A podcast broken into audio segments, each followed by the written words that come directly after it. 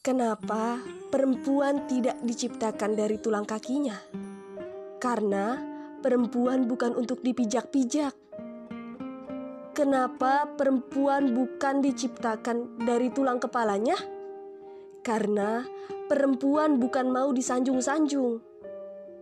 Kenapa juga perempuan bukan diciptakan dari tulang ujung tangannya?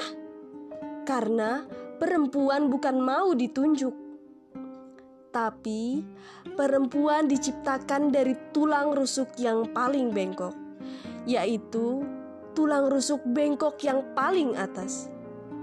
Perempuan itu adalah tulang rusuk yang bengkok.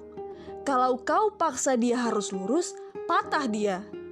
Tapi kalau kau ikut, kau akan jadi bengkok.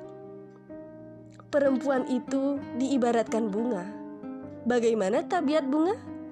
Kuntum mekar, harum, kuning, layu dan juga mati.